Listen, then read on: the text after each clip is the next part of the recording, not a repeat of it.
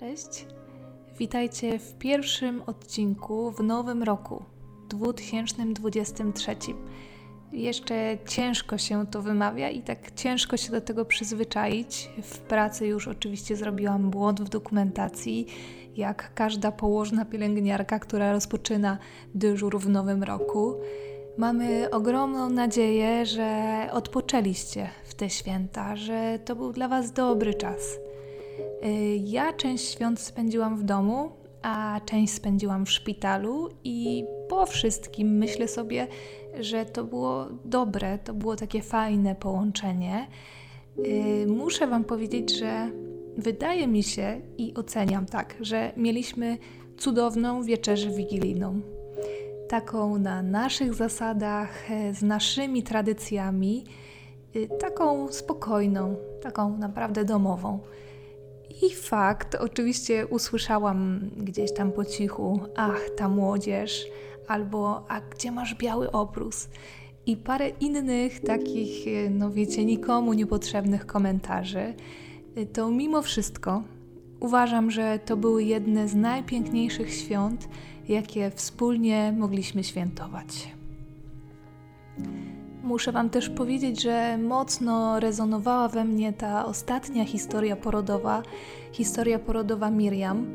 I bardzo jeszcze raz chcę podziękować Asi za ten odcinek, bo jest on naprawdę jest mocno wyjątkowy. Po Wigilii i otwarciu prezentów graliśmy w grę, którą dostali moi rodzice.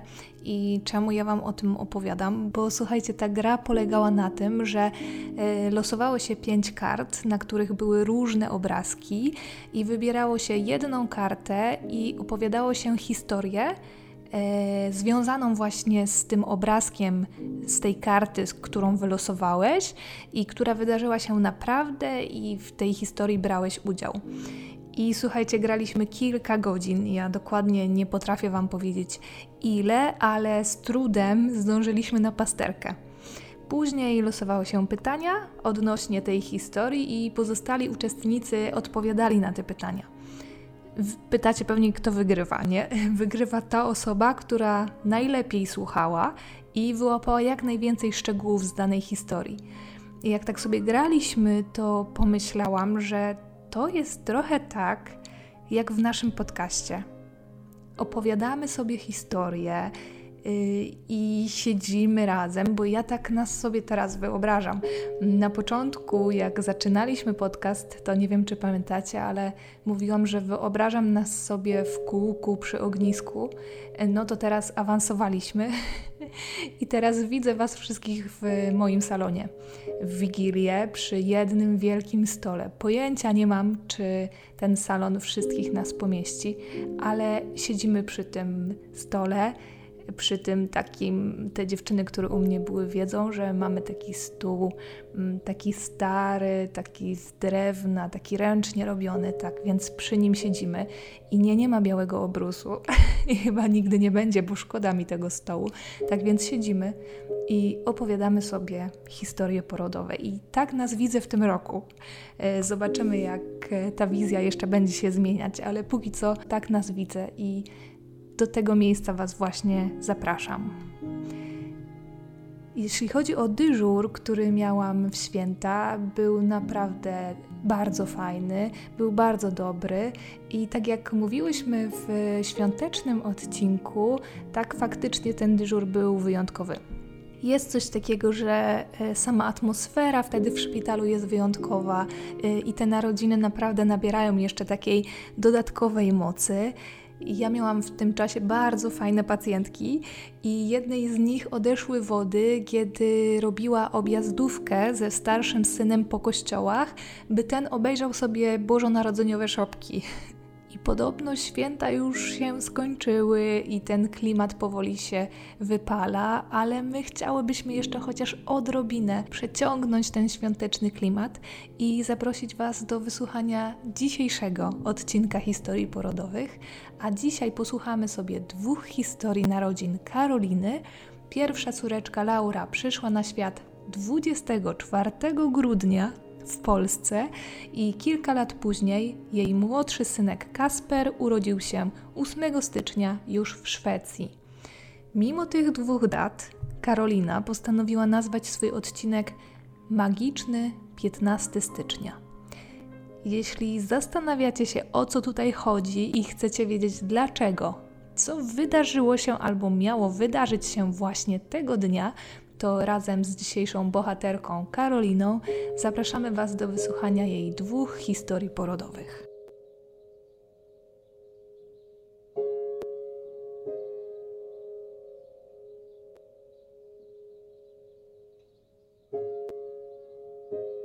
Mam na imię Karolina.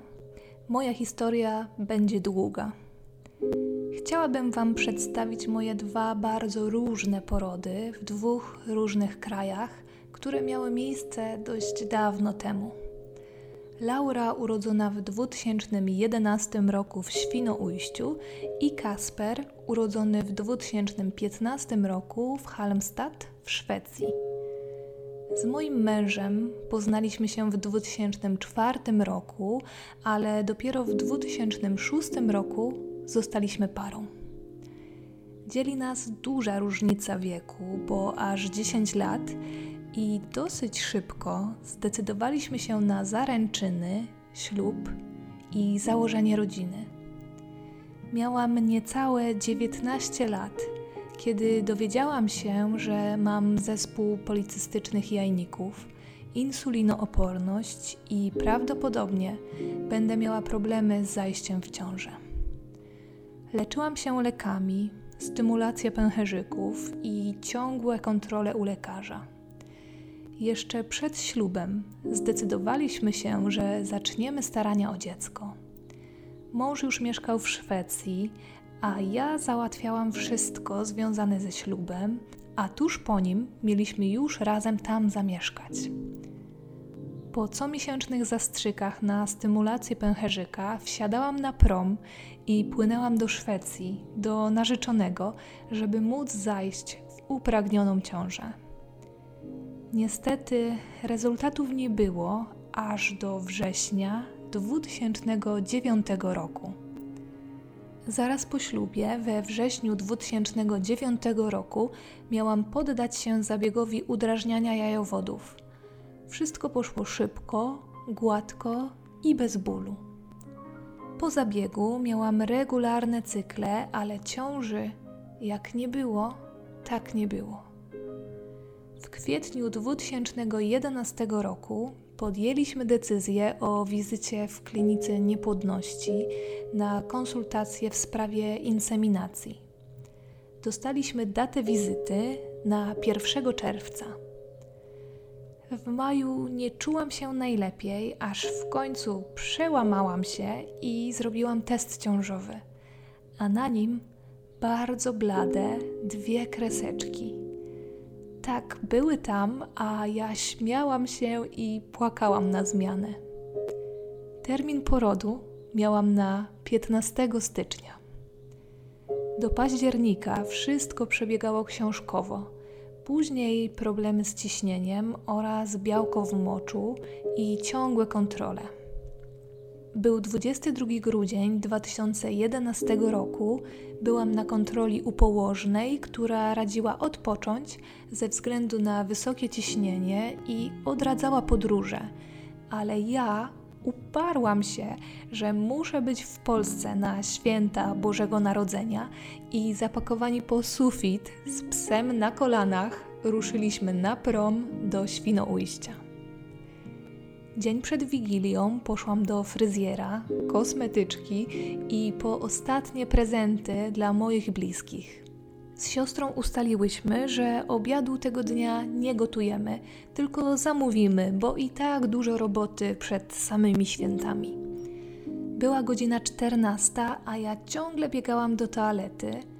Wystraszona zawołałam męża, że chyba sączą mi się wody po nogach. Szybko zadzwoniłam do swojego ginekologa, który akurat kończył dyżur i powiedział, że na nas zaczeka. Po 15 minutach byliśmy w szpitalu, gdzie zostałam zbadana i lekarz obwieścił mi, że zostaje, bo wody się sączą i rodzimy. Przerażeni, że jak to, kiedy? Przecież zostały nam jeszcze trzy tygodnie, że torba do szpitala została w Szwecji, w domu, nie mamy żadnej dokumentacji medycznej ze sobą. Ale nie było już wyjścia. Głodni, ponieważ obiad, który miał dojechać, nas ominął, poszliśmy na porodówkę. Byłam w komfortowej sytuacji z racji świąt. Nikogo nie było na oddziale oprócz mnie, mojego męża, położnej i lekarza. Byłam bardzo zestresowana, a do tego niemiła położna potraktowała nas jak rodzinę patologiczną, przez to, że nie miałam dokumentów potwierdzających opiekę lekarską w ciąży. Wszystko toczyło się bardzo szybko. O godzinie 17 został przebity pęcherz płodowy. Zaczęły się bóle, coraz mocniejsze. Bałam się nieznanego, ale wiedziałam, że damy radę i że ja nie chcę znieczulenia. Jedynie co sprawiało większy ból było KTG, które położna robiła długo i często. Spacery po korytarzu, kołysanie na piłce, prysznice i masaże robione przez mojego męża bardzo pomagały. Wszystko szybko postępowało i już o godzinie 23.30 miałam skurcze parte. Położne pamiętam jak przez mgłę, ale za to lekarz niestety nie był przyjazny. Nie dostawałam wskazówek dla pierworódki, w jakiej pozycji będzie mi najlepiej urodzić, i standardowo rodziłam leżąc na plecach. I tak 24 grudnia, 5 minut po północy, usłyszeliśmy krzyk naszej kruszynki Laury i jej ciepłe ciałko, które położyli mi na piersiach. Łzy same cisnęły się do oczu przez radość, ekscytację, a zarazem strach o to maleństwo, które przyszło na świat dokładnie w 37 tygodniu ciąży. 2 kg, 400 gramów i 46 centymetrów ale była tak silna i zdrowa, że nie potrzebowała pomocy inkubatora. W wigilię mieliśmy tabuny odwiedzających z opłatkiem. Na szczęście obie czułyśmy się wspaniale. Mieliśmy z mężem pokój komercyjny i byliśmy cały czas razem przez trzy dni. Dziękuję Tomkowi za jego wsparcie, miłość, opiekę, jaką nas otoczył, i tak z podróży świątecznej wróciliśmy do domu w Szwecji już we trójkę. Druga historia porodowa mojego synka. Święta 2013 roku, jak zawsze, spędzaliśmy w Świnoujściu. Pod wpływem świątecznego nastroju postanowiliśmy z mężem, że czas na drugie dziecko, a pamiętając starania o pierwszą ciążę, myślałam, że trochę to potrwa. W lutym 2014 roku kupiliśmy dom więc moja głowa była bardzo zajęta domem, pracą i opieką nad dwuletnią już córeczką. Jakież było moje zdziwienie, kiedy w maju zobaczyłam dwie kreski na teście ciążowym. Sama w to nie wierzyłam, ale termin porodu znów miałam na 15 stycznia. Ciąża przebiegała łagodnie we wrześniu postanowiłam wybrać się z córeczką do Polski, do rodziny i przy okazji odwiedzić mojego ginekologa. Byłam w 22 tygodniu ciąży. Nie spodziewałam się, że usłyszę taką diagnozę. Szyjka macicy bardzo krótka i poród może rozpocząć się w każdej chwili. Miałam dwa wyjścia. Albo zostaję w Polsce, w szpitalu, albo jeszcze dziś wracam do Szwecji. Jeszcze tego samego wieczoru byłyśmy na promie, a prosto z niego, już z mężem, pojechaliśmy do szpitala. Niestety to, czego obawiałam się najbardziej, stało się. Musiałam zostać w szpitalu co najmniej do 30 tygodnia ciąży. Co było najgorsze, specjalny szpital z oddziałem neonatologicznym jest oddalony od mojego domu jakieś 170 kilometrów. Codzienne badania w szpitalu, KTG, wizyty lekarzy i położnych. Czułam się dobrze zaopiekowana i bezpieczna w razie szybkiej akcji porodowej. Na szczęście maluch nie pchał się na ten świat. Mąż codziennie do mnie przyjeżdżał tyle kilometrów, a w weekendy przyjeżdżała również córeczka, mąż i moi rodzice. Tak, doczekałam się 30 tygodnia i mogłam wrócić do domu, ale na lekarskich zasadach.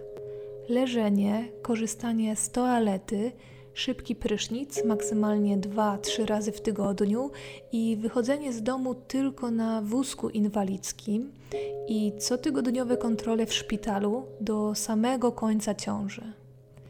Święta 2014 roku spędziliśmy sami, w trójkę. Już nie ryzykowałam wyjazdu jak trzy lata wcześniej. 1 stycznia 2015 roku oglądaliśmy skoki narciarskie i poczułam skurcze. Na szczęście były to tylko skurcze przepowiadające. Kolejna wizyta była 5 stycznia. Na niej ustaliliśmy, że pojawiło się białko w moczu. Nie oznacza to nic dobrego i umawiamy się na poród. Wybrałam 8 stycznia, 9 stycznia mój mąż ma urodziny. Chciałam, żeby chłopaki mieli osobno swoje święta. Dokładnie 39 tygodnia ciąży, gotowi, tym razem już z torbą, stawiliśmy się na oddział o godzinie 9 rano. Pęcherz został przebity o godzinie 12. Wszystko szybko się toczyło. Najpierw skurcze co 10 minut, Położna przyniosła lody i zabawiała rozmową. Mąż pojechał odwieźć córkę i psa do moich rodziców, którzy mieszkają od szpitala 30 kilometrów. Była godzina 14, kiedy skurcze były już co 5 minut. I tak jak przy pierwszym porodzie pomagały mi spacery, prysznic i piłka, tak tym razem leżenie, tylko i wyłącznie na lewym boku. Jak wiadomo, każdy poród jest inny i tak też było u mnie. Przy pierwszym porodzie bardzo doskwierała mi pozycja leżąca na plecach, a tutaj było zupełnie odwrotnie. Tylko ona wchodziła w grę. Obserwacja monitora widziałam, jak nadchodzi każdy skurcz. Powtarzałam sobie w głowie: Tylko spokój cię uratuje. Koło godziny 15 zadzwoniłam do męża, żeby się pospieszył, bo skurcze są już co dwie minuty. Przyjechał chwilę po 15 i kazałam mu siedzieć na fotelu i nawet mnie nie dotykać i nic nie mówić. Była 15.30, kiedy mąż zawołał położną, ponieważ poczułam potrzebę parcia. Miałam trzy położne, cudowne kobiety, pełne empatii i ciepła. Jedna stała przy głowie i powtarzała, że jestem super dzielna i pięknie mi idzie. Druga monitorowała parametry, a kolejna przy kroczu dopingowała i dawała rady, jak przeć. Kiedy czułam już główkę, zapytała, czy chciałabym jej dotknąć. Oczywiście, że chciałam. Była cieplutka i bardzo owłosiona. Trzy parcia wystarczyły, żeby był z nami On, nasz mały, wielki, drugi cud. 3 kg, 250 gramów i 50 centymetrów. Leżał tak na moim brzuchu, a mi znowu łzy płynęły po policzkach z radości, że tak wszystko się szczęśliwie skończyło. Patrząc na Kasperka, widziałam siebie ze zdjęć, jak byłam malutka, tylko ja nie miałam takich włosów, a Kasper wyglądał jakby już był w czapeczce. Po jakimś czasie pojawiły się kolejne dziwne skurcze. Łożysko się nie do końca urodziło, straciłam dużo krwi. Ten widok zostanie w moim mężu do końca życia on z noworodkiem na brzuszku, a na łóżku ja, ledwo żywa, z ryzykiem operacji i transfuzji krwi. Ale na szczęście wszystko dobrze się skończyło. Nie wyobrażam sobie, żeby męża nie było ze mną przy porodach. Bardzo mu za to dziękuję i naszym dzieciom, że to nas wybrali na swoich rodziców. Oba porody były różne, oba szybkie. Opieka bardzo różna w obu krajach. Na koniec chciałabym dodać, żebyście wierzyły w siebie, w swoje marzenia, dały sobie czas i wyluzowały głowę.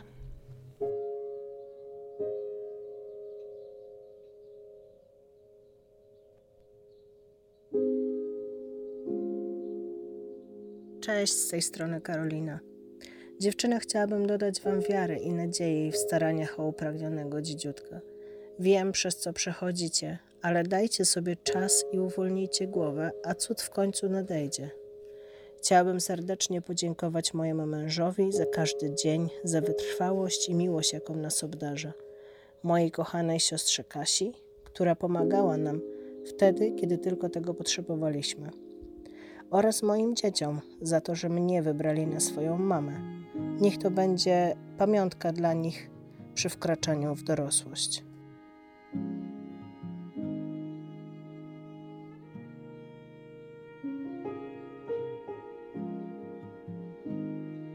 Bardzo dziękujemy za wysłuchanie noworocznego odcinka historii porodowych. Szczególne podziękowania dla naszych dzisiejszych bohaterów Karoliny, Tomka, Laury i Kaspra.